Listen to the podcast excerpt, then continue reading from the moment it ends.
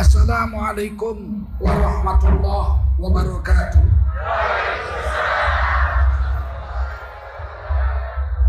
Hamdan wa syukran lillah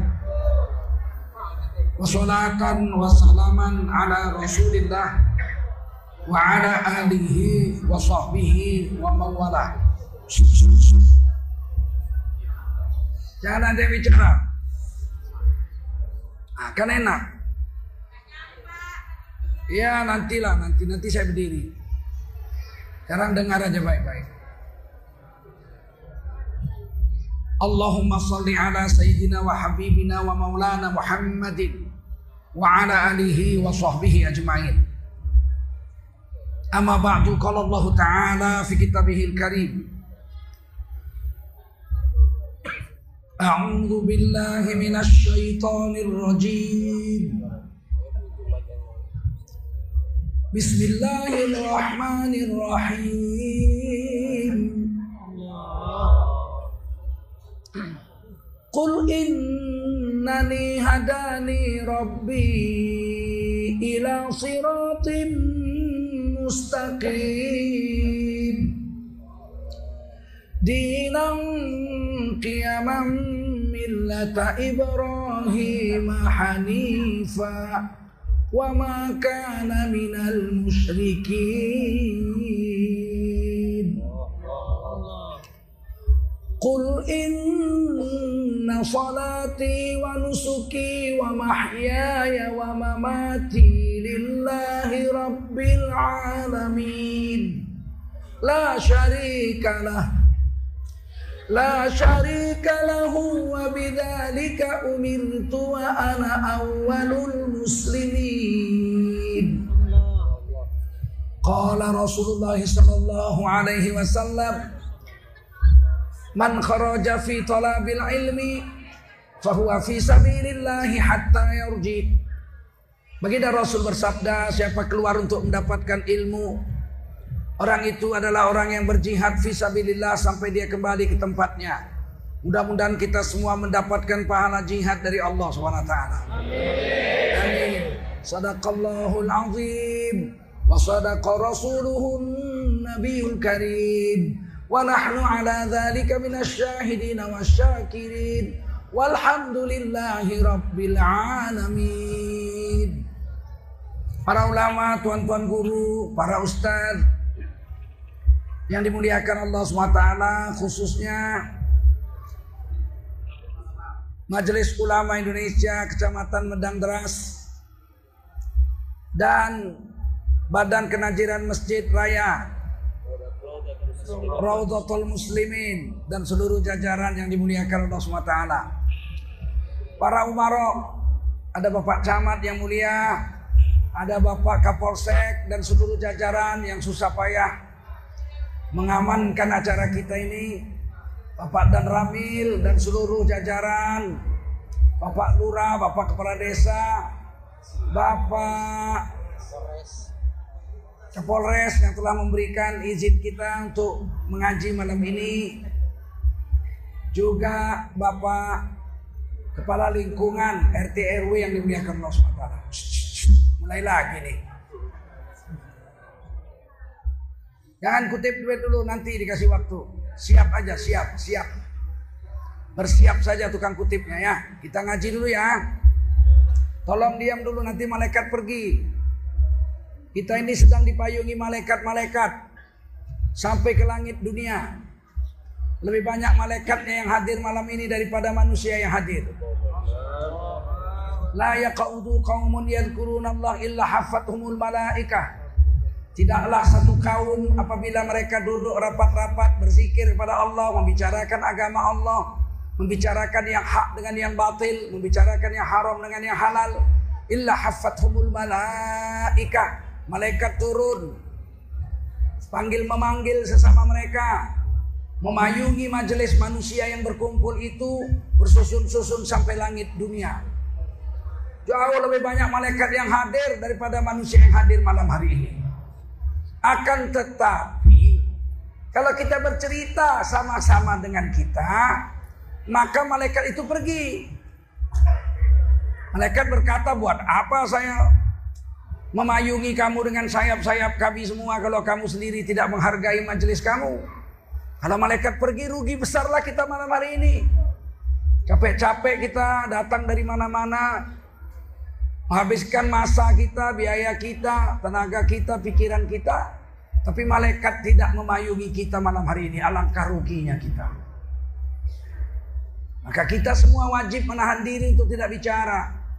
Agar malaikat yang memayungi kita dengan sayap-sayapnya itu bertahan sampai penutupan acara ini. Amin. Yang kedua wahab humur rahmah. Allah akan sirami semua yang hadir itu dengan kasih sayang Allah swt. Semua akan diberi rahmat, kasih sayang. Ingat kita masuk surga bukan karena beramal banyak, tapi kita masuk surga karena kasih sayang Allah. Wa kana bil mu'minina rahima. Adalah Allah terhadap orang beriman sangatlah kasih sayang. Yang ketiga wa nazalat alaihimus sakinah, diberikan ketenangan jiwa kepada yang hadir. Dijamin malam ini nggak ada yang ingat utang.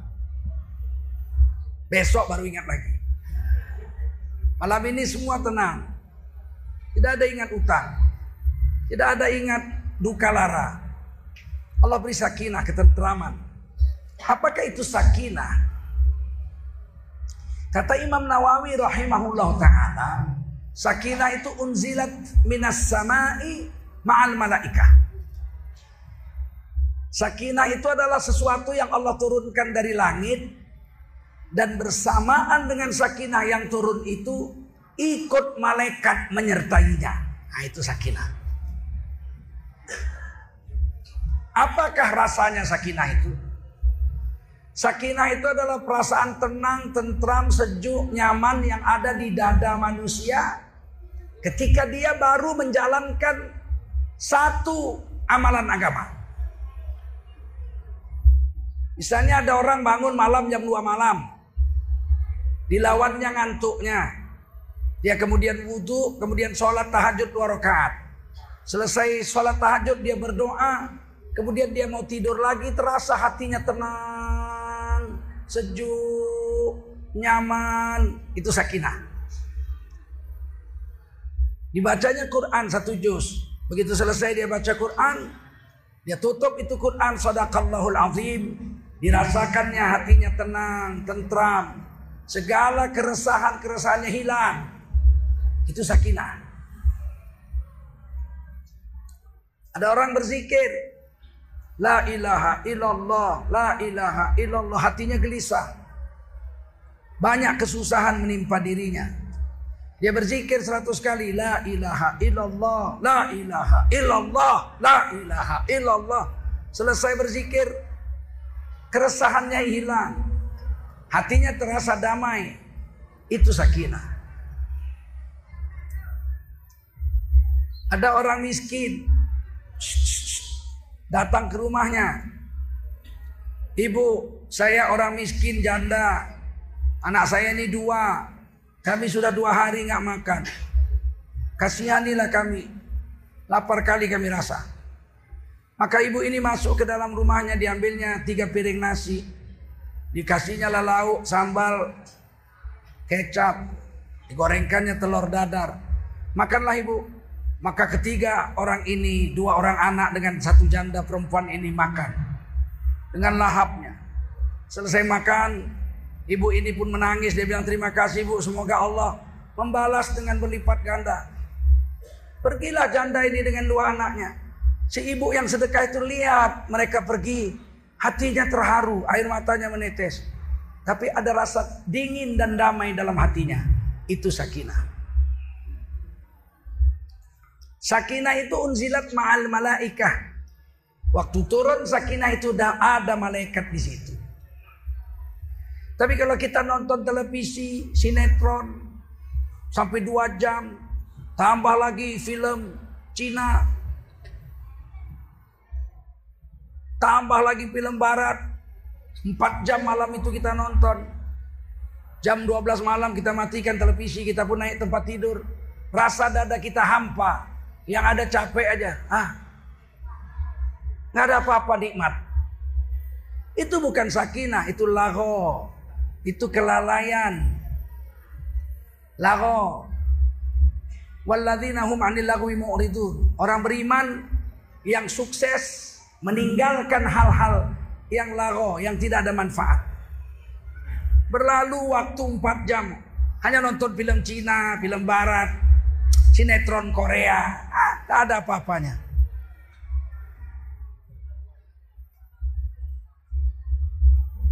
Tapi kalau dia ucapkan satu subhanallah. Dia ambilnya tasbih, dia ucapkan subhanallah. Maka tumbuhlah satu pohon di sorga. Besar batang pohonnya itu kata Nabi dalam kitab Riyadus Salihin. Tidak selesai dikelilingi kuda tercepat.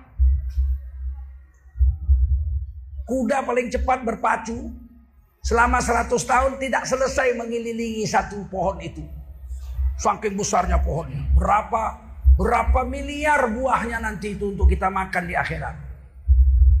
100 tahun kuda berpacu tidak selesai satu putaran pohon kayu yang ada di sorga. Cara menanamnya bukan di sorga.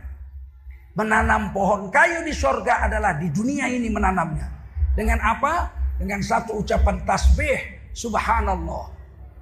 Ma, semua coba ucap subhanallah. Subhanallah. Bapak Ibu semuanya dapat satu pohon di sorga. Saya dapat satu hutan. Karena saya yang suruh kan. Itu hebatnya orang dakwah. Lagi sekali lagi subhanallah. Bapak Ibu dapat dua pohon di surga. Saya dapat dua hutan. Itulah enaknya orang dakwah. Didatanginya rumah penduduk dari satu rumah ke rumah lain. Diajaknya untuk sholat berjemaah. Datang sepuluh orang datang ke masjid sholat berjemaah. Pulang dari masjid. Sepuluh orang itu mendapatkan sholat masing-masing. Satu sholat, satu sholat, satu sholat, satu sholat, satu sholat. Tapi yang mengajak itu, hari itu dia dapat sebelas sholat. Satu sholatnya sendiri, sepuluh sholat orang yang diajaknya ke masjid itu. Bayangkan dia sholat sekali, tapi dia dapat sebelas sholat. Ini hebatnya orang dakwah. Maka mari kita dakwah sampai mati niat insya Allah. Sekali lagi, subhanallah. Bapak ibu dapat tiga pohon, saya dapat tiga hutan. Kata Allah wa ta'awanu 'alal birri wat taqwa. Tolong menolonglah kamu dalam berbuat kebaikan dan berbuat ketakwaan.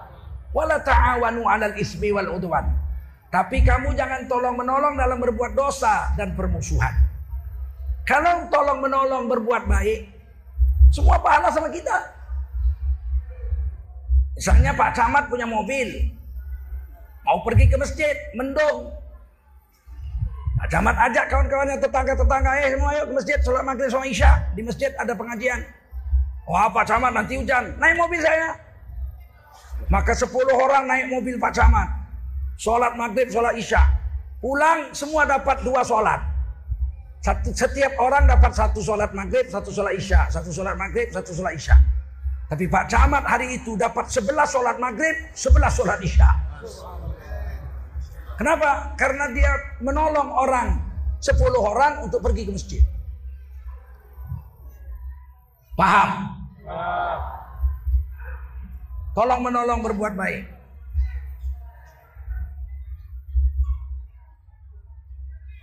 Jangan tolong menolong berbuat dosa. 17 Agustus hari kemerdekaan Indonesia. Dibuatlah syukuran malam 17 Agustus. Dikumpul duit dari rumah ke rumah diketuk. Semua nyumbang. 10 ribu, 10 ribu, 10 ribu, 10 ribu, 1000. Orang nyumbang 10 juta. Malam 17 Agustus syukuran dipanggil keyboard Mak Lampir. Masih ada? Innalillahi wa Maka berjoget-jogetlah perempuan seperti ulat bulu disiram bensin. Ke kanan, ke kanan, ke kanan dan ke kanan, ke kiri, ke kiri, ke kiri dan ke kiri. Sakitnya tuh di sini, sakitnya tuh di sini. Makan sayur kol pakai daging anjing.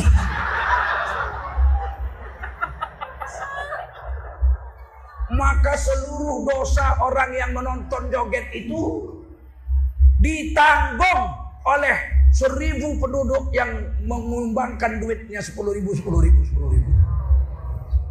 Maka kata Allah wala ta'awanu 'alal ismi wal Jangan tolong menolong dalam berbuat dosa. Syukuran kemerdekaan bukan joget-joget, betul? Kalau dulu nenek moyang kita untuk merdeka joget-joget, nggak menang kita lawan Jepang, betul? Nggak menang kita lawan Belanda. Justru penjajahan Belanda dan Jepang itu angkat kaki dari Indonesia. Ditulis di pembukaan Undang-Undang Dasar 45 dengan rahmat. Dengan kasih sayang rahmat Allah. Lawan Belanda kita perang. Mulai dari Trunojoyo, Pangeran Diponegoro, Tuanku Imam Bonjol sampai terakhir Tengku Umar dan Cut Nyadin 1907. Tapi Jepang kita nggak perang. Hampir tidak ada perang melawan Jepang. Jepang kejam. Sepuluh kali lebih kejam dari Belanda. Baju aja nggak dikasih kita. Sehingga akhirnya kita pakai baju karung. Bekudis, bekurap. Makan beras nggak ada, beras diambil Jepang semua. Nggak berani kita lawan Jepang. Tapi saat itu semua orang Indonesia sudah sampai puncak kesengsaraan. Semua berdoa. Anak-anak doa, ya Allah ya Tuhanku, usirlah penjajah Jepang Diculiknya bapakku nggak pulang-pulang. Perempuan-perempuan berdoa, Ya Allah, usirlah Jepang ya Allah, lakiku mati dibunuh Jepang keparat ini ya Allah. Yang tua-tua doa aja, Ya Allah ya Tuhanku. Usirlah penjajahan Jepang ini. Kita doa dengan air mata. Apa yang terjadi? Amerika Serikat membuat dua bom atom. Satu dijatuhkan ke Nagasaki, satu dijatuhkan ke Hiroshima. Jepang angkat kaki menyerah tanpa syarat meninggalkan Indonesia. Gara-gara Amerika mengebom Nagasaki dan Hiroshima. Kita waktu itu tidak kenal dengan Amerika. Amerika juga nggak kenal kita. Tapi Allah gerakkan Amerika bikin bom atom, dibom itu Jepang. Jepang angkat kaki dari Indonesia tanggal 14 Agustus, 17 Agustus Indonesia merdeka. Dengan rahmat Allah. Maka orang Islam ini jangan berbuat dosa supaya doa kita tembus ke langit. Bagaimana Allah mau dengar dosa doa kita coba? Joget-joget sama bini orang. Habis itu doa, ya Allah Tuhanku, Kata malaikat, kepala tuh kau lah.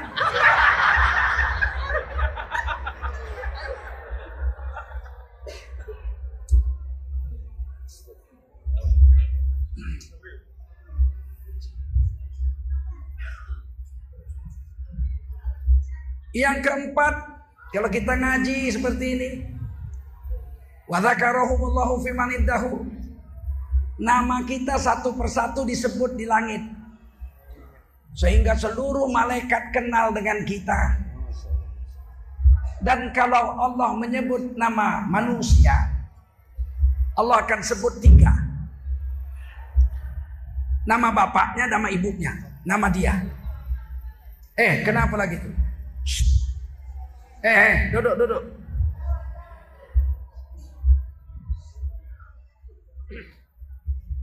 Akan tiga disebut Allah. Wakijan, anak Ponijo, anak Wagim. Tiga disebut. Jainuddin, anak Joko, anak Poniran, Ponira. Tiga disebut. Kalau kita menyebut nama orang, biasanya yang kita sebut satu aja nama dia saja. Udin, Pak Ijo, Wagiman, Kampret. Kawan saya dulu tiga kampret namanya. Cebong nggak ada, cebong, cebong. Kalau kampret kawan saya sekolah tiga orang namanya kampret.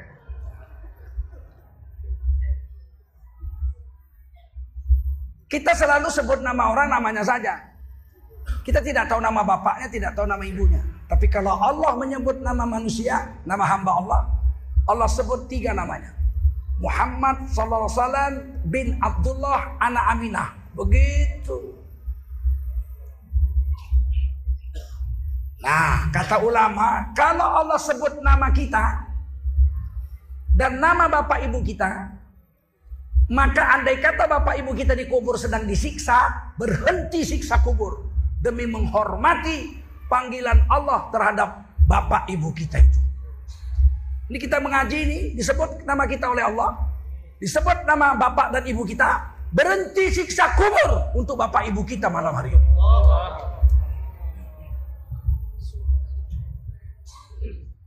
Di dalam ayat lain Allah berfirman wadhkurullah fadhkurullah yadhkurkum. Jika kau sebut nama Allah, Allah sebut namamu. Zakara itu artinya sebut. Misalnya di Quran wadhkurisma rabbika bukratan wa asila. Sebut-sebut nama Tuhanmu habis subuh, habis asar. Habis subuh tidak ada sholat sunat ba'diyah subuh. Habis asar tidak ada sholat ba'diyah asar. Di situ waktu untuk berzikir bukrata wa asila. Habis subuh habis asar. Kalau kita sebut-sebut nama Allah, subhanallah, walhamdulillah, wala ilaha illallah, wallahu akbar. Atau kita sebut ya Allah, ya Allah, ya Allah, ya Allah, ya Allah, ya Allah, ya Allah, ya Allah. Semua. Ya Allah, ya Allah, ya Allah, ya Allah. Ya Allah, ya Allah, ya Allah, ya Allah. Fadkurullah yadkurkum. Kau sebut nama Allah, Allah sebut namamu. Dan kalau Allah sebut nama kita, ikut nama bapak dan ibu, kita disebut. Kita baru menyebut orang lengkap dengan bapak dan ibunya kalau sudah mati. Namanya talqin mayat. Masih kalian bikin di sini? Masih. Jangan kalian tinggalkan sampai hari kiamat. Siap? Siap. Sebab di situlah kesempatan kita menyebut nama kawan kita dengan bapak dan ibunya. Wahai. Sebut. Wahai. Tengku Zulkarnain. Anak Rafiuddin. Anak Anisah. Begitu disebut tiga-tiga itu. Wahai Tengku Zulkarnain bin Tengku Rafiuddin. Anak Anisah. Begitu kalau talqin main. Kalau Allah menyebut nama kita, ikut nama bapak ibu kita. Misalnya kita sholat, kita takbir, Allahu Akbar, kita sebut nama Allah, Allah sebut nama kita. Disebut Zulkarnain anak Rafiuddin anak Anisa aku kata Allah. Kita baca Alhamdulillahi Rabbil Alamin. Dijawab sama Allah. Hamadani abdi. Telah memujiku hambaku. Itu di, disebut oleh Allah. Bukan main-main ini agama Islam ini. Pekerjaan agama Islam ini dikerjakan di dunia tembusnya ke langit. Bukan di dunia ini aja. Amalan Islam itu dikerjakan di dunia, tembusnya ke langit, sampai ke surga, sampai ke kubur. Kata Nabi dalam hadis Bukhari, siapa yang buang air kecil nggak beres, Habis kencing nggak cebok, maka dia disiksa dalam kubur. Jangan main-main dengan agama ini. Tapi kalau kita buang air kecil, kita istinja, bersih kita cuci, maka apa yang terjadi? Kita bebas siksa kubur. Gara-gara cebok habis kencing aja siksa kubur beres. Jangan anggap enteng dengan agama Islam ini. Al-Islamu ya'lu wa la yu'la alaih. Islam tuh tinggi, nggak ada lebih tinggi dari Islam. Kita aja orang Islam nggak ngerti kehebatan agama kita. Kalau kita sholat, Allahu Akbar. Allah berfirman kepada malaikat-malaikatnya. Ya malaikati ukhrud junubahu. Wahai malaikat, malaikatku, cabut dosanya. Aku tidak mau disembah oleh hambaku yang bergelimang dosa pada tubuhnya. Sebab dosa itu menjijikkan bau busuk. Menjijikkan. Cabut. Maka ketika orang hamba Allah takbir Allahu Akbar. Dicabut dari ubun-ubunnya dosanya oleh malaikat Allah subhanahu wa ta'ala. Sehingga sholatlah dia dalam keadaan suci. murni, lepas dari seluruh dosa. Begitu Islam ini bukan main-main. Selesai sholat, Assalamualaikum warahmatullahi Assalamualaikum warahmatullahi Malaikat bertanya, Ya Allah, hambamu telah selesai sholat. Kami kembalikan dosa yang kami cabut tadi? Kepadanya, Allah berfirman, tidak usah, buang aja. Sudah kuampuni dosa orang yang sholat itu. Ini hadis Bukhari. Inna salata ila salati kafaroh lima bainahuma. Sesungguhnya sholat yang satu dengan sholat berikutnya mencuci bersih seluruh sholat antara dua sholat itu. Sehingga orang yang menjaga sholat lima kali sehari. Selain bapak ibunya disebut namanya dan dia disebut namanya. Seluruh tubuhnya bersih. Tidak ada dosa-dosa. Sebagaimana dia mandi lima kali sehari di depan rumahnya ada sungai yang mengalir jernih dan dalam airnya. Maka tidak ada sepotong daki pun lengket di tubuhnya. Seperti itulah orang yang menjaga sholat lima waktu. Bersihlah seluruh dosa dari ujung rambut sampai ke ujung kukunya. Betapa indahnya hidup ini. Jadi ada empat ya. Pertama kita dipayungi malaikat. Kedua kita diberi sakinah. Ketiga kita disirami kasih sayang oleh Allah. Keempat nama kita, bapak ibu kita disebut di langit.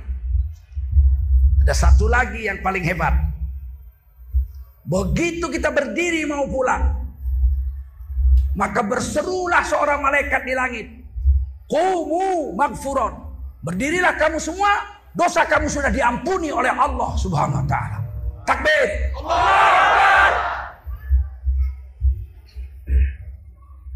Mudah-mudahan semua dosa kita diampuni oleh Allah.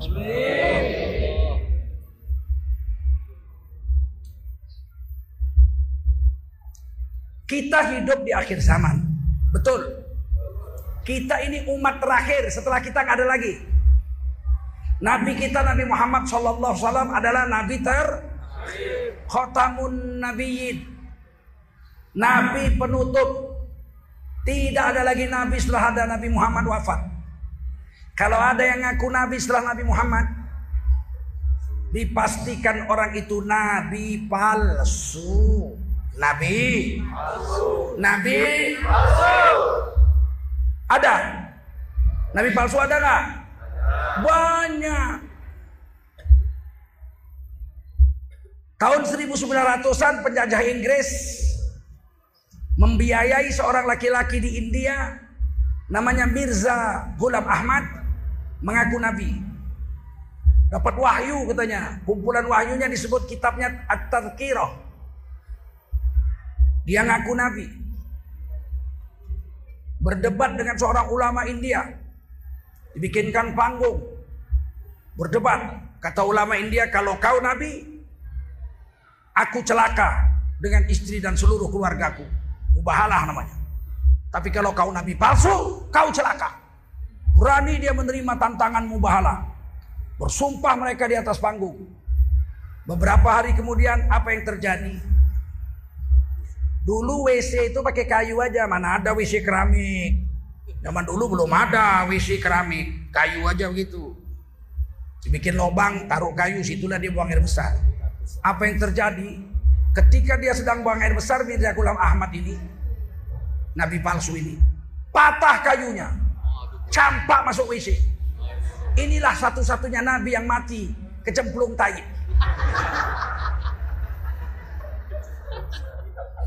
Nabi palsu Mirza Gulam agamanya namanya Ahmadiyah seluruh ulama sedunia pada tahun 1980 berseminar muktamar di Mekah memutuskan bahwa Ahmadiyah kafir keluar dari Islam jelas jelas Ya, tapi kan mereka boleh hidup di Indonesia. Boleh.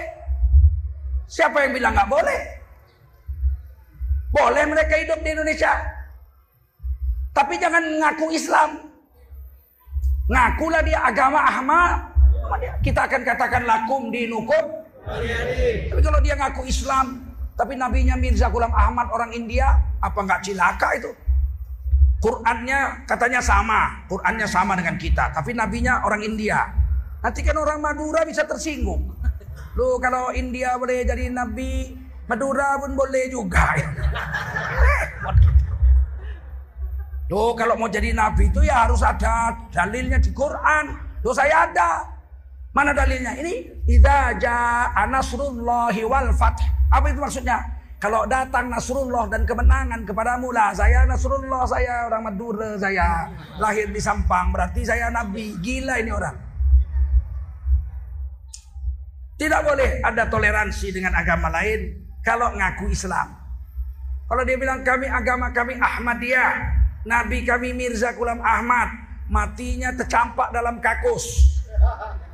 Masjid tempat kami sholat jangan bilang masjid, masjid itu kita punya, betul. Bikin nama baru lah, entah cakro misalnya. Silakan, kita akan katakan lakum dinukum. Begitu. Di Indonesia India itu 1,1 miliar penduduknya, yang aku nabi cuma satu orang. Mirza Ghulam Ahmad. Indonesia penduduknya 267 juta. Islam 88,7 persen. Tundukkan sedikit tuh bunyi. Bunyi ini. Jangan ke sana, ke bawah, ke bawah. Ke bawah.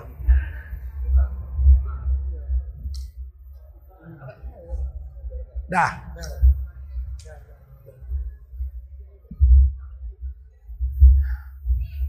Di Indonesia 88,7 persen rakyatnya beragama Islam. 230 juta sekarang orang Islam di Indonesia. Tapi yang ngaku Nabi banyaknya bukan main. Kemarin dulu di Jawa satu perempuan ngaku Nabi, namanya Lia Eden, ditangkap polisi, masuk penjara dua setengah tahun. Keluar dari penjara tobat apa enggak? Enggak, malah ngaku malaikat Jibril. aduh, aduh, aduh, malaikat Jibril kok jelek begitu. Dipikirnya malaikat Jibril lebih hebat dari Nabi Muhammad. Ngaku Nabi Muhammad masuk penjara, keluar ngaku Jibril. Padahal malaikat Jibril dibandingkan Nabi Muhammad lebih agung dan lebih mulia Nabi Muhammad daripada malaikat Jibril. Nabi Muhammad atau Jibril? Lebih hebat Nabi Muhammad, betul? Betul. Nabi Muhammad menerima wahyu, menerima surat dari Allah. Malaikat Jibril mengantar surat. Mana lebih hebat, tukang antar surat atau tukang terima surat? Ah, apa susahnya memahamkan itu? Waktu Isra dan Mi'raj, Nabi naik buruk. Terbangnya buruk itu kecepatannya seperti kilat menyambar. Kalau cahaya dikatakan kilat itu cahaya, Kecepatannya adalah 300 ribu kilometer per detik. 300 ribu kilometer per detik. Sampai di Sidratil Muntaha. Indah Sidratil Muntaha. Indah Jannatul Ma'wa. Yaitu di dekat surga Ma'wa. Burak pulang kampung ke surga Ma'wa. Malaikat Jibril menunggu di Sidratil Muntaha.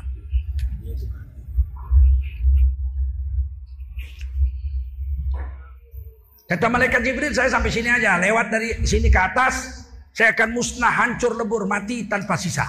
Tidak ada bekas. Sampai situ aja. Nabi Muhammad lewat. Rof-rof, mustawa, sampai ke kaki aras. Tidak hancur. Berarti Nabi Muhammad itu fauqal malaikatil kiram. Makomi. Makom Nabi Muhammad lebih tinggi dari seluruh makom para malaikat. Itulah bodohnya Lia Eden tuh. Ngaku Nabi sekarang ngaku malaikat Jibril. Turun pangkat dia. Ditangkap lagi mau polisi. Setelah dia ada satu nabi lagi namanya Ahmad Musodik. Ditangkap polisi. Ditanya polisi, kau nabi? Nabi. Apa pekerjaanmu? Pelatih badminton. Pelatih badminton jadi nabi ya. Kok nggak tukang tangkap Kerang aja jadi nabi. Masuk penjara dua setengah tahun. Tobat tidak. Keluar ngaku nabi lagi. Ditangkap lagi sekarang.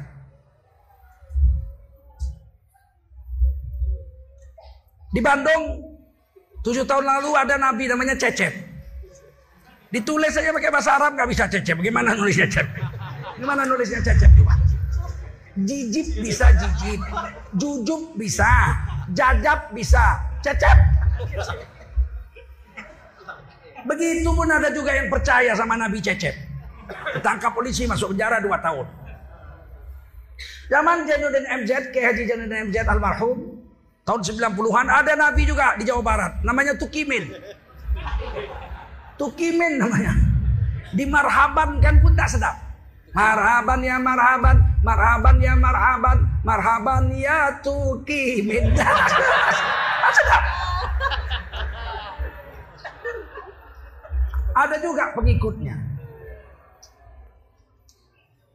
Ini fitnah akhir zaman. Kata Nabi ada tiga puluhan. Salasun. Ada tiga puluhan orang yang akan mengaku sebagai Nabi.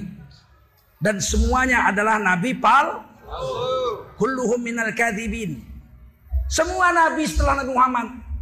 Semuanya tanpa terkecuali. Adalah Nabi palsu. Manusia pembohong. Paham? Mana tahu nanti di Medang ini ada pula ngaku Nabi. Nah, Mana tahu? Nggak tahu kan? Besok-besok ada pulang aku Nabi. Siapa namanya? Jainuddin. Bisa saja. Tapi kita semua harus bertahan. Alladzi man la nabiyya ba'dah. Tidak ada lagi nabi setelah Nabi Muhammad sallallahu alaihi wasallam. Mari kita selawat. Allahumma Salli ala Sayyidina Muhammadin. Wa ala alihi Wa sahbihi Ajma'in. Kata Nabi man sholla alaiya salatan wahidatan sallallahu alaihi ashron Siapa salawat kepada Nabi sekali Allah memberinya salawat sepuluh kali. Betapa hebatnya kita ini. Kita salawat sekali Allahumma sholli ala Sayyidina Muhammadin wa ala ali Sayyidina Muhammadin. Allah kirim kepada kita sepuluh rahmat, sepuluh salawat kepada kita. Makanya orang dulu kalau susah-susah salawat. Datang dia ke ustadznya, ustadz susah kali aku ustadz. Ah, terus gimana? Apa kesusahanmu? Istriku bulan depan mau melahirkan. Ah, terus anakku bulan depan tamat SMP mau masuk SMA perlu duit juga. Betul. Terus Rumah kontrakan habis pula rumah sewanya harus bayar sewanya bulan depan tiga tiganya nunggak semua. Ku tengok tengok tak ada jalannya duit datang bulan depan. Ku tunggu tunggu kartu pengangguran sampai sekarang belum ada. Cemana lah aku bikin ini Ustaz pening pun kepalaku. Apa kata Ustaz? Bapak pulang jaga sholat lima waktu ke masjid, banyakkan sholawat. Dia pun pulang, sholat ke masjid Johor, pulang ke rumah, bentang saja dah dia ambil tasbih. Bininya nanya, kenapa bang? Sholawat. Bininya pun sholat Johor, kemudian bininya pun ikut di sebelah suaminya. Anaknya pulang sekolah, ya. Mak sama bapak ngapa pula ini? Sholawat, kata Ustadz sholawat, biar selesai urusan kita nak. Biar kau bisa masuk SMA bulan depan. Dia pun sholat Johor anaknya. Ikut pula jikir sebelah bapak mamanya. Sebulan kemudian beres semuanya. Kenapa? Karena siapa solawat sekali Allah beri dia rahmat dan barokah sebanyak sepuluh. Kalau satu hari seribu. Datang sepuluh ribu rahmat sehari. Sedangkan dengan rahmat Allah satu aja beres urusan di akhirat. Kita bisa masuk surga dengan satu rahmat Allah. Bagaimana dengan sepuluh ribu rahmat urusan dunia? Tapi ini yakin sama Allah. Yakin nggak? Yakin. Hari ini, wah mana bisa? Zaman sekarang nih semua harus dengan duit. Siapa bilang? Berapa banyak orang naik haji nggak pakai duit? Miskin naik haji. Diberangkatkan Allah. Saya ingat waktu Bapak Raja Inal Siregar jadi gubernur. Beliau pulang dari Sipiro. Rombongan gubernur. Kebetulan tukang-tukang fotonya sepupu saya. Almarhum Emil Akhyar. Beliau berhenti di Rantau Prapat. Sebelah kiri ada Masjid Raya. Kalau dari Sipiro sebelah kiri Masjid Raya. Beliau sholat di situ. Sholat juhur. Dijamak dengan asar. Terus ada bapak-bapak yang setiap hari menyapu masjid, membersihkan bak mandi, buka pintu, tutup pintu. Tidak dibayar, tidak digaji. Selesai sholat, Raja Inal tanya, Bapak membersihkan masjid ini? Saya membersihkan masjid Pak. Sudah sekian tahun. Masya Allah. Berapa gaji Bapak sebulan? Tak ada digaji. Saya dengan sukarela senang hati aja. Bergetar tubuh Raja Inal. Almarhum. Dia bilang, Bapak gak digaji? Enggak. Saya digaji Allah ta'ala. Kata Raja Inal, Bapak udah naik haji belum? Belum. Tahun ini naik haji. Langsung naik haji dia. Kita anggap remeh. Oh naik haji harus punya duit banyak. Berapa banyak orang miskin bisa naik haji? Betul? Berapa banyak orang kaya lahir di Medang, matinya di Pagurawan. Ke Medan pun nggak pernah. Emasnya, bininya aja kalungnya sekilo.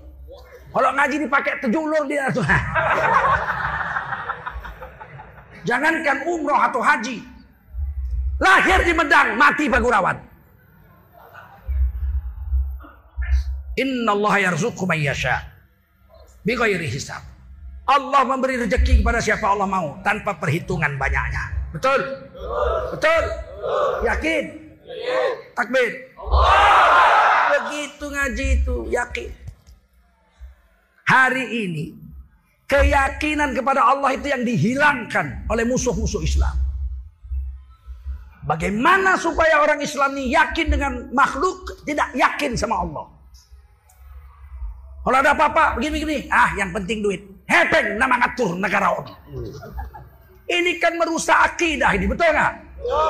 Ah, tenang-tenang saja. Riba sudina. Ah, dong hepeng, beres sudina. Lah dong hepeng, mampus sudina. Ini kan merusak akidah ini, betul?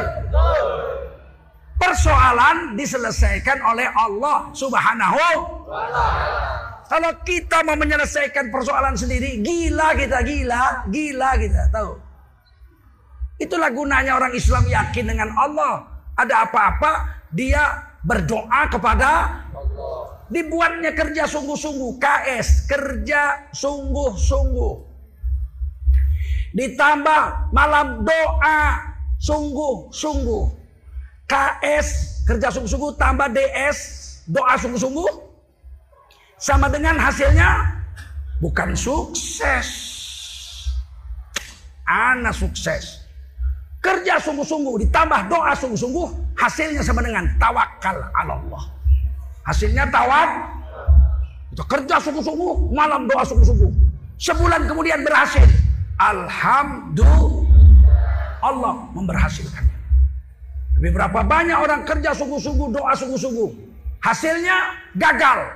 Kalau gagal kita ucapkan innalillahi wa inna ilaihi rajiun. Allah akan beri rezeki lewat jalan lain. Selesai. Kalau kita yakin saya sudah kerja sungguh-sungguh. Saya sudah doa sungguh-sungguh. Pasti sukses. Tiba-tiba gagal. Joget di jalan. Tang ting deng, gedang ting ting tang ting deng. Gila dia gila. Kita diajari oleh Nabi. La haula wala quwata illa billah. Ada daya dan kekuatan kecuali Allah.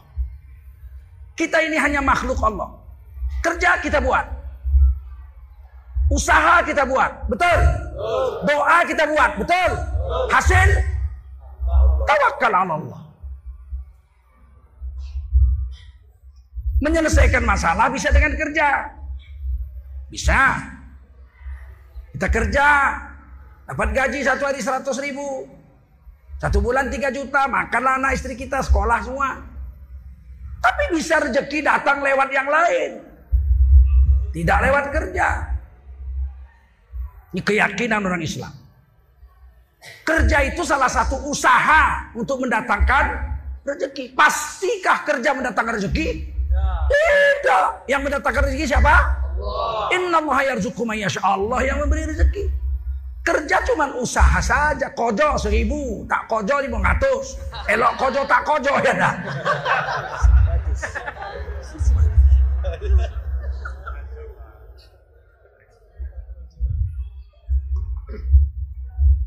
Ada satu orang guru di sekolah besar. Muridnya sepuluh ribu. Guru ini guru karate. Namanya Bejo. Setiap bulan dia dapat gaji 3 juta. Dia kerja dari Senin sampai Sabtu, Ahad libur 4 hari. Setelah dia kerja mengajar karate di sekolah, akhir bulan dapat gaji 3 juta. Dikantonginya di kantong bajunya, dia pun naik angkot. Kalau di Medan namanya Sudako. Sini namanya apa? Labi-labi. Angkot. Kalau di Aceh namanya labi-labi. Kalau di Thailand namanya tuk-tuk. Kalau sini apa namanya? Angkot. Kalau di Medan namanya Sudako. Naiklah dia Sudako. Tertidur dia di perjalanan. Bangun dia pun turun. Sampai rumah kata istrinya mana gaji bang? Alamak, dicopet orang. Waktu tidur tuh copet orang. Bah, hilang duit dicopet orang. Kata bininya, percuma abang jago karate. Kenapa nggak abang karate? Tidur. Oh karate apa tidur? Nangislah bininya. Matilah kita bang satu bulan ini nggak makan bang. Abang kerja gaji abang tak ada dicopet orang. Makan apa satu bulan ini? Nangislah dia. Pak Bejo pun nangis juga. Seharian hari Ahad nangis. Besok hari Senin kerja bengkak mata Pak Bejo. Sampai di sekolah heran kepala sekolah. Bapak juara karate nangis juga. Macam perempuan. Macam mana lah Pak, gaji sebulan dicopet orang, matilah kami nggak makan Pak. Oh kena copet? Iya, udah tenang, urusan kecil kata kepala sekolah. Nanti saya selesaikan. Lonceng dipukul jam 8 pagi. Upacara bendera hari Senin. Kepala sekolah pidato anak-anakku dan dewan guru sekalian. 10 ribu muridnya. Sekolah besar. Guru karate kita Pak Bejo mendapat musibah. Gajinya dicopet. Waktu waktu pulang naik angkot. Pencopet sialan itu.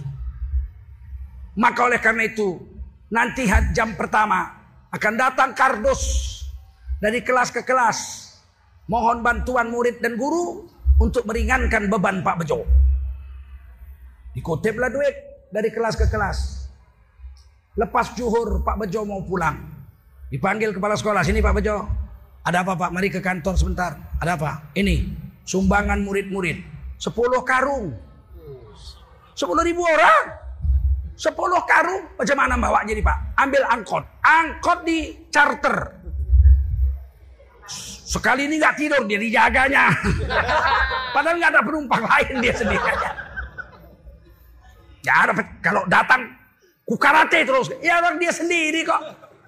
Sampai di rumah diangkatlah 10 karung. Habis sholat isya mulailah dihitungnya sama bidiknya. Baru selesai jam 3 pagi.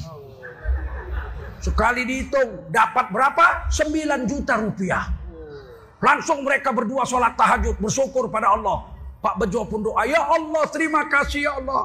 Engkau selesaikan masalah kami bulan ini. Dari murid-murid menyumbang. Ya Allah mudah-mudahan bulan depan hilang lagi. Ternyata rezeki bisa datang lewatmu. Si bah. Bisa. Rezeki bisa datang lewat takwa. Wa may yattaqillaha yaj'al Min haitsu la. Siapa bertakwa Allah selesaikan kesulitan hidupnya dan Allah beri rezeki dari jalan yang tidak disangka-sangka.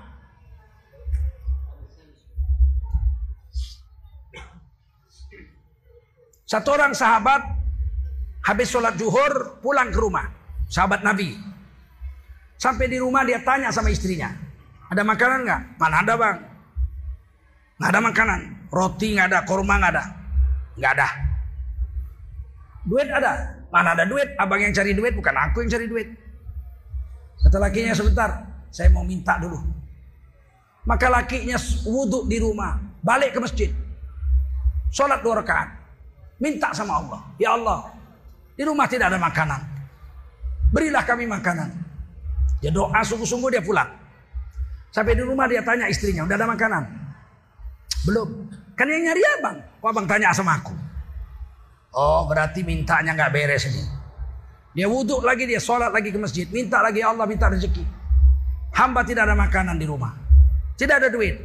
Pulang ke rumah dia tanya istrinya, udah ada makanan? Belum. Mulai panas biniknya. Abang yang cari, bukan aku. Dia bilang, tak mungkin Allah bohong. Kata Allah, wasta'inu bisobri wassalah. Minta tolonglah melalui puasa dan melalui sholat. Aku sudah minta tolong dengan sholat. Tak mungkin Allah bohong. Bukan Allahnya yang salah. Sholatku yang tak beres. Dia wudhu lagi, dia sholat lagi. Berulang-ulang sampai dia akhirnya pingsan di tengah jalan. Kelaparan pingsan. Begitu dia sadar dari pingsannya, perutnya sakit. Dia pergi ke pinggir-pinggir bukit. Di tempat yang sepi dia buang air besar. Sedang dia buang air besar. Tiba-tiba di depannya ada lubang. Lubang tikus. Keluar tikus bawa uang emas satu keping. Namanya dinar. Dulu uang kalau enggak emas perak. Kalau perak namanya dirham. Kalau emas namanya dinar. Masuk tikus tadi, keluarkan lagi satu keping. Masuk lagi, keluarkan lagi satu keping. Sampai 17 keping uang emas.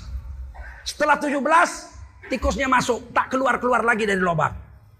Dia selesaikan istinjaknya, diambilnya 17 keping duit. Dia lari-lari ke rumah Rasulullah. Dia bangun ke Rasul siang-siang. Ada apa kamu kata Rasul? Saya tidak ada makanan, tidak ada uang ya Rasul. Saya minta sama Allah wasta'inu bisobri wasolah. Minta tolong dengan Allah melalui sholat. Sampai saya pingsan gak dapat duit. Tiba-tiba saya buang air besar. Ada tikus mengeluarkan uang. 17 keping uang. Emas. Saya ingin tanya ya Rasul. Halalkah uang ini untukku? Untuk istriku? Kata Nabi. Wa may yattaqillaha yaj'al lahu makhraja. Siapa bertakwa kepada Allah, Allah beri jalan keluar dari kesulitan hidupnya. Dan sebagai bonusnya, wayarzuqhu min haitsu ya la yahtasib. Allah beri rezeki dari jalan yang tidak disangka-sangka. Ambil duit ini beri makan istri dan keluargamu. Dia pun lari ke rumah, beli roti, dia kasih makan istrinya. Selesai. Dia yakin dari Allah. Coba kalau kita. Buang air besar ada tikus bawa emas 17 keping. Habis itu tikus itu masuk lubang, tak keluar-keluar lagi. Emasnya kita ambil, kita pulang. Ambil sekop. Di sekop tuh lubang tikus. Kenapa cuma 17 keping? Jangan-jangan di dalam masih ada tujuh keranjang lagi. Karena kita yakin dengan tikus. Betul? Sahabat yakin dengan Allah. Nggak ada urusan dengan tikus. Lihat bagaimana keyakinan orang dulu dengan keyakinan orang sekarang.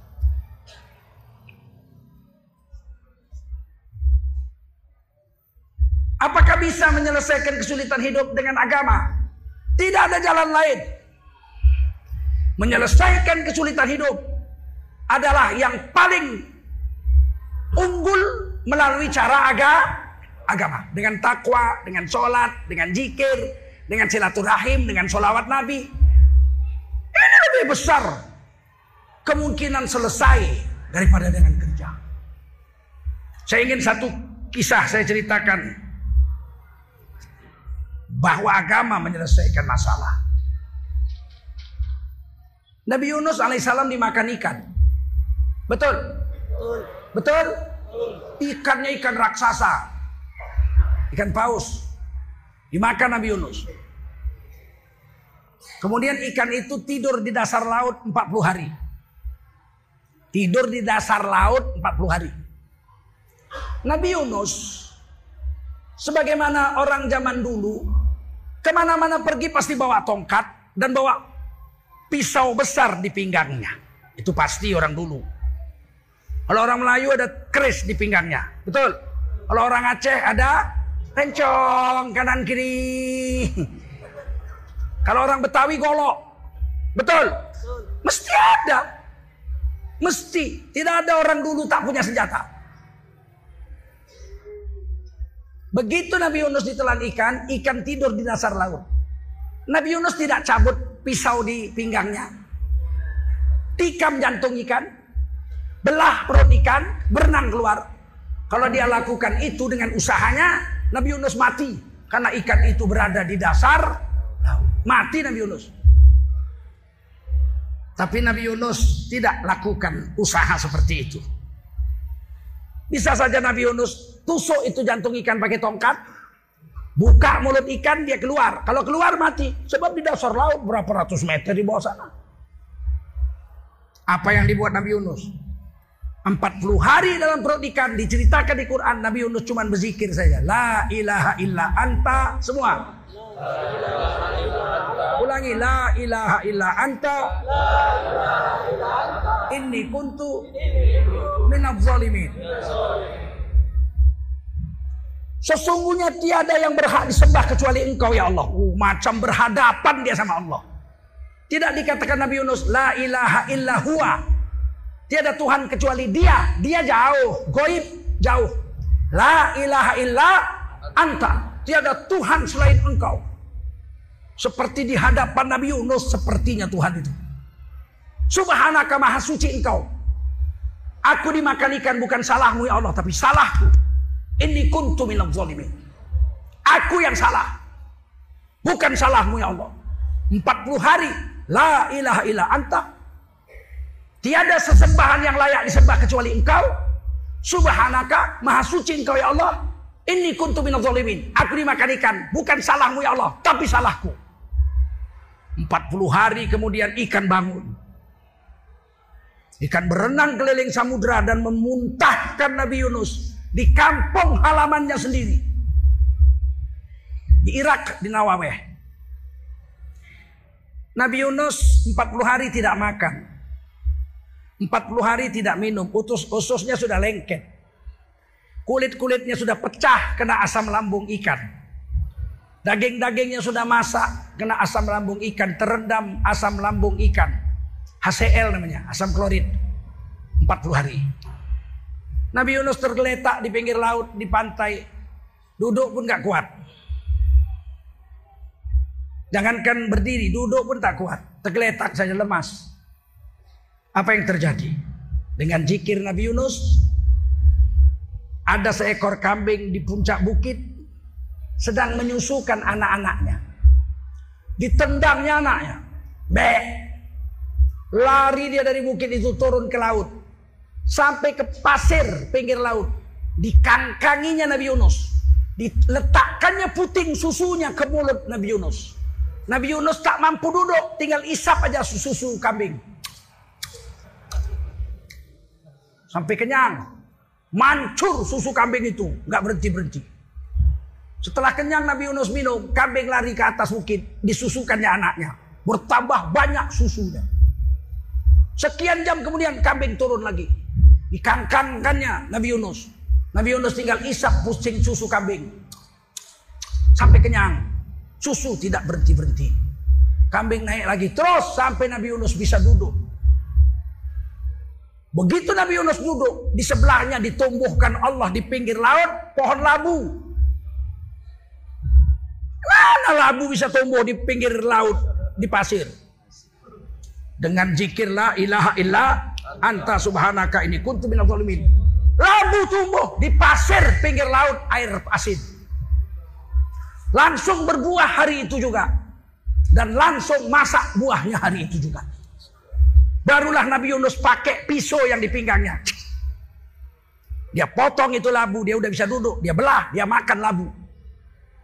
Quran mengajarkan kalau perut kita sakit, karena lama tidak makan, usus sudah lengket. Satu-satunya makanan yang menyelamatkan usus tidak bocor adalah dengan makan rabu. Dulu nenek-nenek kita kalau datang tamu dari rantau perapat. Dua hari baru sampai ke, ke Medang ini. Dari mana kau? Ah dari rantau perapat. Mau masuk naik ke rumah. Apa yang dibikinkannya? Kolak labu. Karena dia tahu ini dua hari tak tentu makan ini orang. Syukur-syukur kita dapat makan tengah jalan. Dulu mana ada restoran. Harimau-nya yang ada di jalan. Begitu orang dulu mengaji.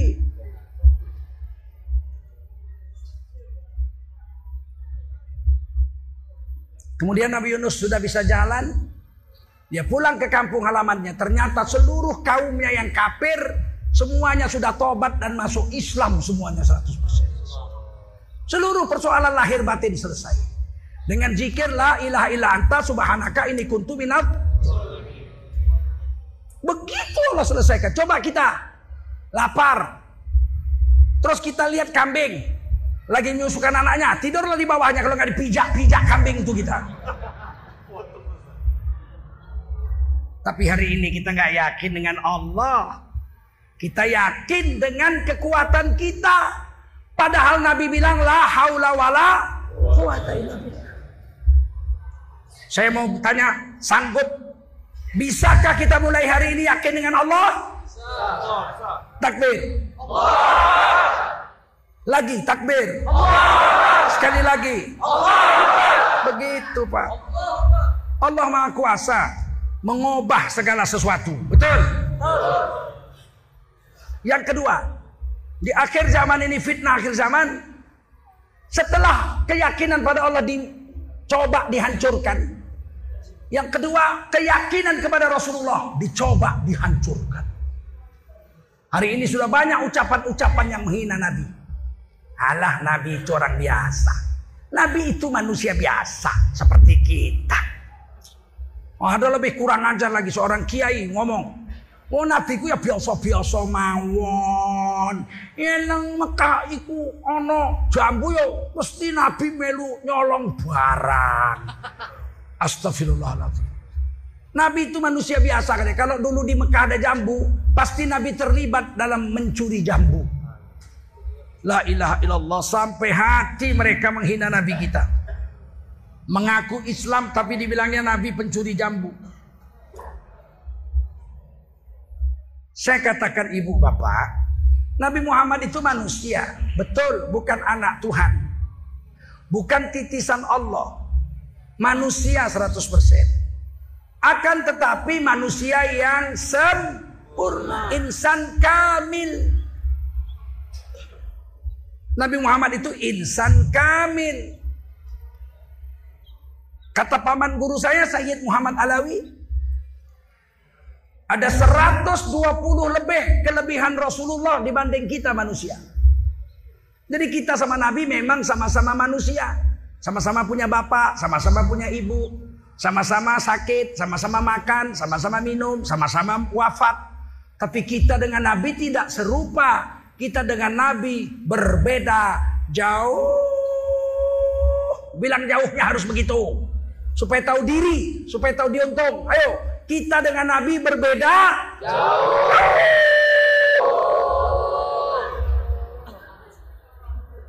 Ini kadang-kadang baru sholat tahajud 8 rakaat. Besok dia bilang aku sudah serupa dengan Nabi. La ilaha illallah. Mana sama kita dengan Nabi berbeda ya. Kalaupun saya dengan Nabi berbeda hanya berbeda sedikit. La ilaha illallah. Nabi itu makan sedikit. Kalau kamu kalau saya sedikit-sedikit makan. Nah jadi beda sedikit. Kita dengan Nabi berbeda jauh. Jangan kita anggap kita sama dengan Nabi atau mirip Nabi. Takut-takut kita mirip babi. Tuh. Semua dimakan, betul nggak? Hari ini semua dimakan kelelawar dimakan, babi dimakan, anjing bakar dimakan, ya kan? Tikus dimakan, kucing dimakan, datang penyakit corona ya. Baru kau tahu. Kita ini orang Islam disuruh kulu mimma fil ardi halalan Makan yang ada di dunia ini. Jangan mimpi yang ada di langit mau kau makan. Saya mau makan yang ada di planet Jupiter. Naik apa kau ke sana? Fil ardi yang ada di bu. Ada kawan saya dulu pengarang lagu. Kepingin dia pindah dari bumi ini. Dikarangnya lagu, terkenal lagunya. Mau dengar? Dengar baik-baik. Seandainya aku punya sayap Terbang, terbanglah aku. Ku cari dunia yang baru. Untuk apa aku di sini? Sampai mati nggak bisa dia pindah. Tempat kita di bumi ini, betul? Dan makanlah yang ada di bumi Apa yang ada di bumi? Yang halal lagi, Pak. Halal nggak cukup. Halal nggak cukup. Harus halal dan ba. Otak kambing halal apa? Halal. Tapi kalau sudah kolesterol tinggi, tak baik. Udah tahu kolesterolnya 350. Pinggir katanya sama supirnya. Itu ada soto kambing, pinggir, pinggir. Di pesannya otak kambing tiga piring. Kata supirnya jangan pak, nanti ibu marah pak. Ah, diam kau, kau supir kau. Jangan atur-atur. Mulut-mulutku, duit-duitku. Jangan kau larang-larang. Diamlah supirnya, dimakannya lah tiga piring otak kambing. Besok pagi mencong mulutnya. Kenapa pak? Kata supirnya. Tak entahlah. Entahlah rakus kau. Sudah tahu sakit mah. Dimakannya pulun. Pakai pisang goreng pulun. Pakai durian lagi. Muntah darah. Kenapa? Sakit mah kok makan pulut. Sakit mah makan bubur. Betul? Makan yang di bumi. Yang halal lagi. Kalau kita makan yang haram. Akan datang penyakit-penyakit yang susah diobat. Orang dulu, bapak-bapak kakek-kakek kita, ayam aja dijaganya, ayam. Saya ingat nenek, sepupu nenek saya, saya panggil nenek juga. Dikurungnya ayam jago pakai bambu, kurungan bambu. Dikasihnya makan jagung, kasihnya minum. Saya tengok, nek, kasihan kali ayam jago ini. Lepas ya, jangan sayang. Ya, kasihan kawan-kawannya pergi semua makan, cari makan, dia dikurung. Yang ini jangan nak, lepas aja nek. Jangan sayang, dia mau dipotong. Biar apa nek? Biar gemuk. Malas mungkin nenek itu bertengkar sama awak masih anak-anak. Iya sayang biar gemuk. Belakangan barulah saya setelah belajar fikih. Ternyata ayam itu dikurung nenek saya itu. Supaya dia nggak makan makanan najis. Tak dimakannya tai orang. Dia hanya makan jagung aja tiga hari, minum air putih. Kalau ayam dilepas, mungkin dia di sana makan tai. Kita potong. Kita memakan binatang jalalah. Memang halal ayam itu, tapi karena dia baru makan najis. Kita makan, rusak akal kita, rusak hati kita. Tiba-tiba nafsu birahi naik, berzinah ke mana anak tetangga. Karena makanan tak beres. Orang dulu mau makan tiga hari dikurung. Kasih makan jagung, kasih makan beras. Begitu dipotong ayam itu ayam yang suci makanannya selama tiga hari. Baru. Nggak sembarangan-sembarangan. Ikan. Dibeli ember besar. Dibeli ikan gurami. Diletak di ember. Dikasih makan nasi. Setelah hari keempat baru dimasak. Biar apa? Ya mungkin saja dia di kolam sana makan itu kuning-kuning itu. Orang WC-nya di atas kolam itu. Dibiarkan tiga hari dulu kasih makan nasi. Kasih makan kangkung. Udah tiga hari baru dipotong tuh ikan dimakan. Maka orang dulu memanglah ilmu tak tinggi-tinggi. Sekolahnya pun tak hebat-hebat. Tapi akidah dan syariatnya lurus. Makanannya halal, toyib. Begitu mau mati, sakaratul maut. Tanpa diajar-ajar, mulutnya mengucap, La ilaha illallah. Hampir semua nenek-nenek, kakek-kakek. Dua generasi, tiga generasi di atas saya. Kalau meninggal, asli mulutnya mengucap, La ilaha illallah. Kalau generasi kita, oh macam-macam diucapnya waktu mati. Begitu mau mati, Diajarin kupingnya. La ilaha illallah. Dia bilang apa?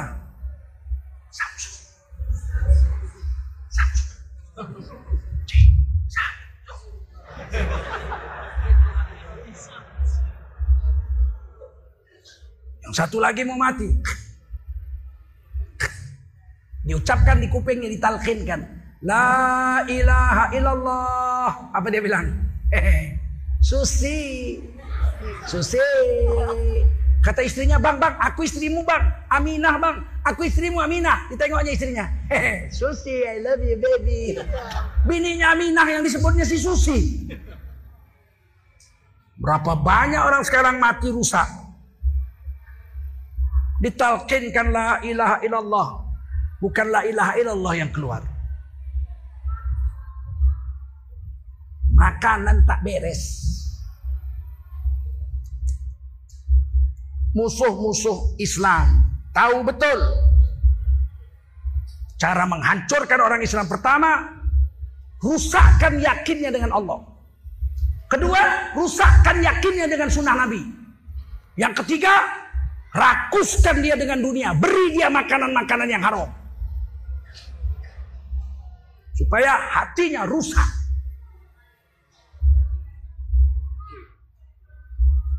Oleh karena itu saya pesan bapak-bapak ibu-ibu mulai hari ini.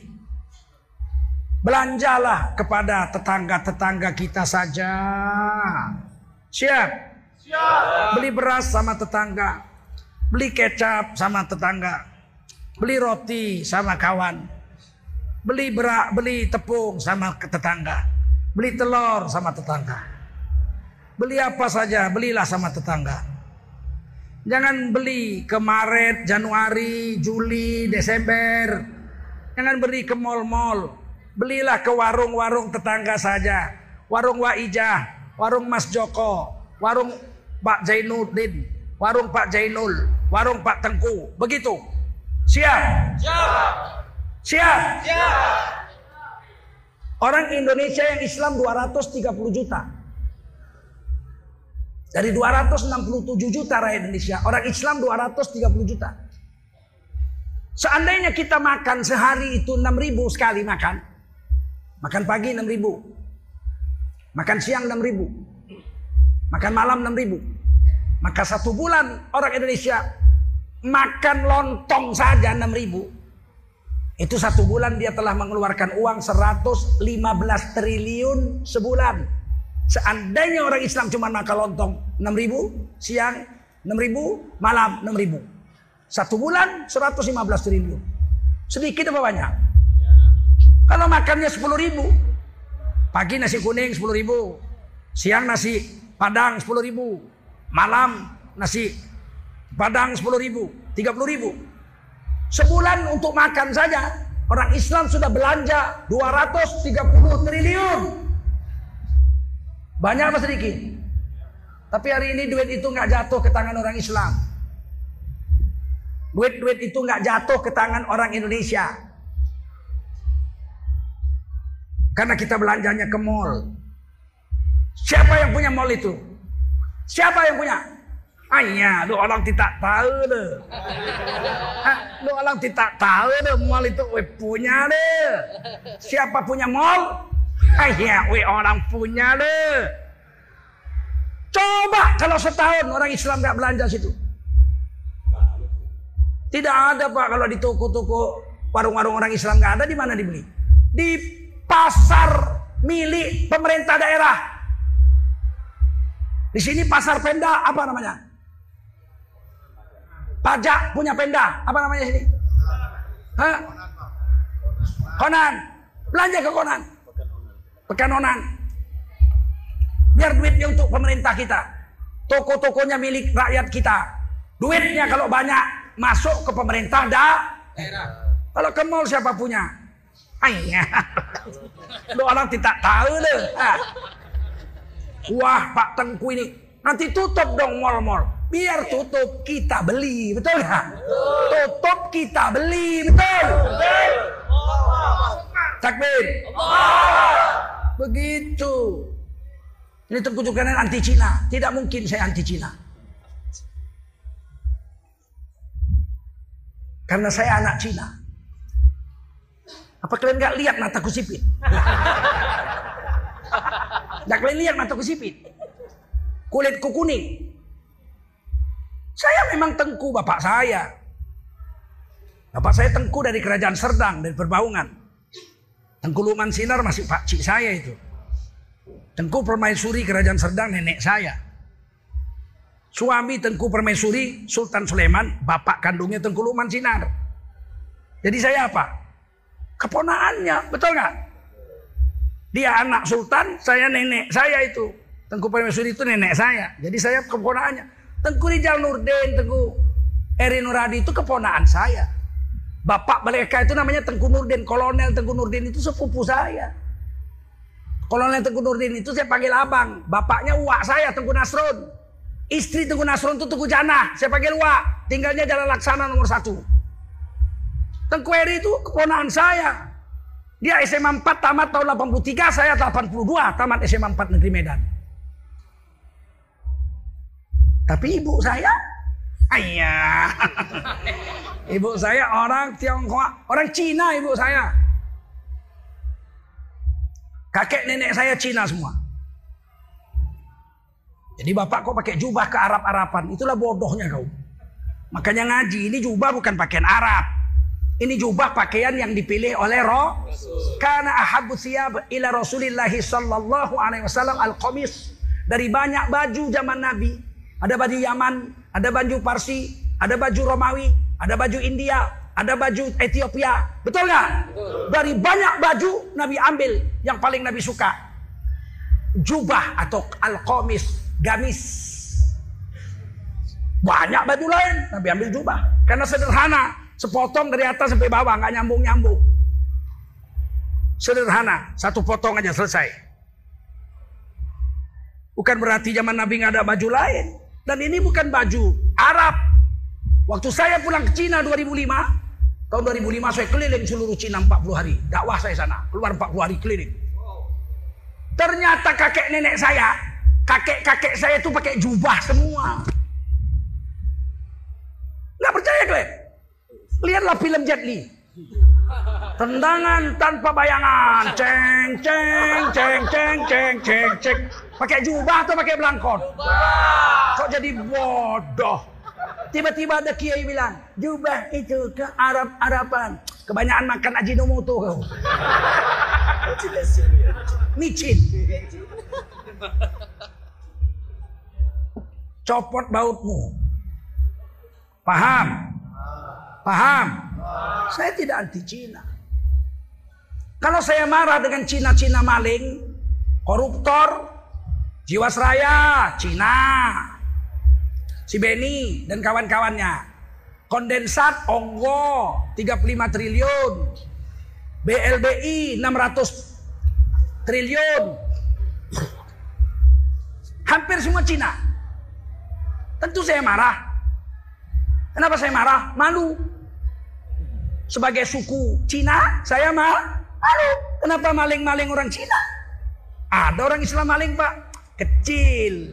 Orang Islam paling maling ayam, maling sapi, betul nggak? BLBI yang gede-gede yang triliun-triliun Cina malu, saya malu saya malu.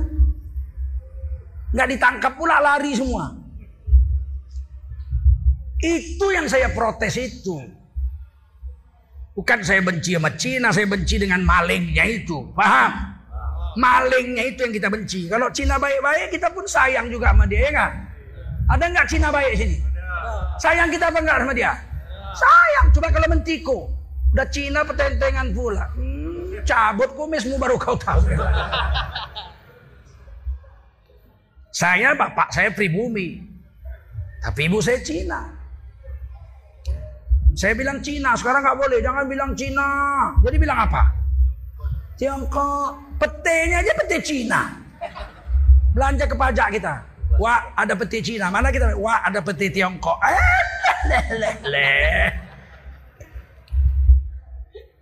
Biar kita bilang Cina nggak apa-apa. Asalkan kita rasional. Kalau dia baik kita sayang. Betul nggak? Kalau dia jahat ya tentu kita tidak suka. Sedangkan abang kandung kita pun kalau jahat kita tak suka. Betul? Anak kandung kita pun kalau narkoba bikin susah kita tak suka juga. Betul? Begitu. Ah, inilah kerusakan-kerusakan akhir zaman yang sangat berbahaya. Dijauhkan kita dari yakin pada Allah, dijauhkan kita dari yakin atas sunnah Nabi, dan ditanamkan kecintaan atas dunia. Ini dunia tidak akan pernah puas.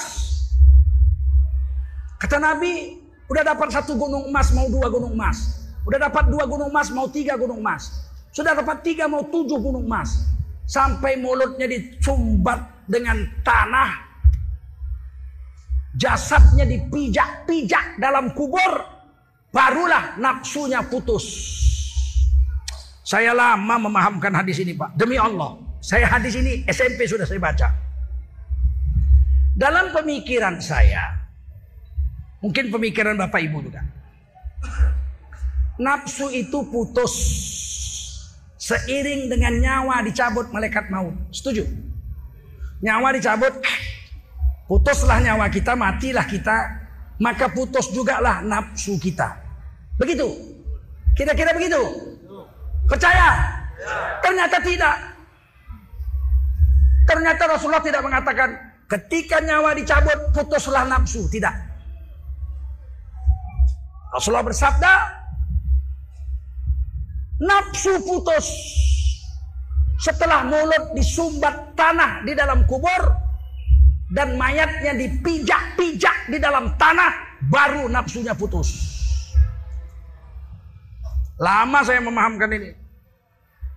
Saya pikir ya Allah, tak mungkin Nabi bohong. Nabi pasti benar. Saya yang bodoh. Tapi menurut saya ya Allah, nyawa putus pastilah nafsu putus. Tapi Nabi mengatakan tidak. Nafsu putus setelah dipijak-pijak dalam kubur. Satu hari tahun 2000 Kan udah tua saya tahun 2000. Saya sudah pindah Jakarta tahun 98. Tahun 99 saya jadi direktur utama LP3I di Jakarta. Saya tinggal di Pondok Indah, Pak. Bukan kaleng-kaleng saya, Pak. Kaleng-kaleng saya. Nggak perlu jadi cebong lah saya supaya dapat duit.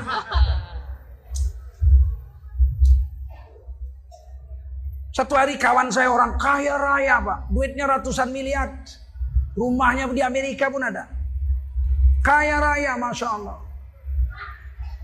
Meninggal dunia jam 10 malam. Jam 10 pagi mayatnya kami mandikan. Sayalah yang memimpin memandikan jenazahnya. Dibuka bajunya pakai sarung aja. Sarung putih kami bikinkan sarung. Saya buat sarung tangan dari kain. Kita mandikan mulai dari wajahnya, tangannya, dadanya, pusarnya, kakinya semua. Pas selangkangannya. Saya masukkan tangan saya mencuci selangkangannya di bawah sarung putih itu. Apa yang terjadi? Demi Allah. Senjatanya masih berdiri Pak. Mati jam 10 malam. 12 jam kemudian jam 10 pagi kami mandikan, senjatanya masih berdiri. Waktu itulah kami menangis, ya Allah. Engkau telah beri pelajaran mahal hari ini kepada aku, ya Allah. Ternyata nafsu tidak putus. Walaupun nyawa sudah dicabut malaikat maut 12 jam. Kapan nafsu putus? Setelah dipijak-pijak di dalam tanah, di dalam kubur baru nafsunya berhenti. Siapa mau memuaskan nafsu di dunia dia pasti akan kecewa. Karena memuaskan nafsu seperti meminum air laut kata Nabi. Semakin diregu, makin pahit, makin diregu, makin haus, makin direbung, makin diminum, makin haus, makin diregu, makin pahit. Tidak ada kepuasan di dunia. Di dunia hanya ala kadarnya saja. Betul? Mau puas-puas di akhirat. Walal akhiratu khairul laka minal ula. Akhirat jauh lebih nikmat daripada dunia. Musuh-musuh agama PKI PKI mereka mencoba supaya orang Islam ini mati-matian untuk dunia saja, lupakan akhirat. Hidup ini bersenang-senang, Bung. Tidak ada hidup lain lagi nanti setelah mati. PKI. Kita bilang akhirat, oh akhirat itu hanya ramalan-ramalan saja katanya. Padahal kita ini di dunia ini hanya sebentar saja, betul? ad-dunya mata ini perhiasan dunia ini tapi perhiasan dunia ini wamal hayatud dunya illa mataul hurur ini perhiasan dunia perhiasan palsu. Kesenangan yang menipu saja. Makan sepiring enak. Dua piring bosan. Tiga piring kekenyangan. Sebakul mati tengah itulah dunia. Punya istri satu senang. Punya istri dua pening. Punya istri tiga, panian keparawaan. Punya bini empat, jalan pun bengkor gini. Hanya, kenapa kak toke jalannya kok bengkok? Hanya, we orang terlalu congok le. Untuk senang-senang di akhirat. Di dunia ala kadarnya. Dapat dunia, alhamdulillah. Tidak dapat dunia, inna lillahi wa inna ilaihi raji'un. Yang penting, kebahagiaan paling penting adalah kebahagiaan kebahagiaan di dalam surga Allah Subhanahu wa taala.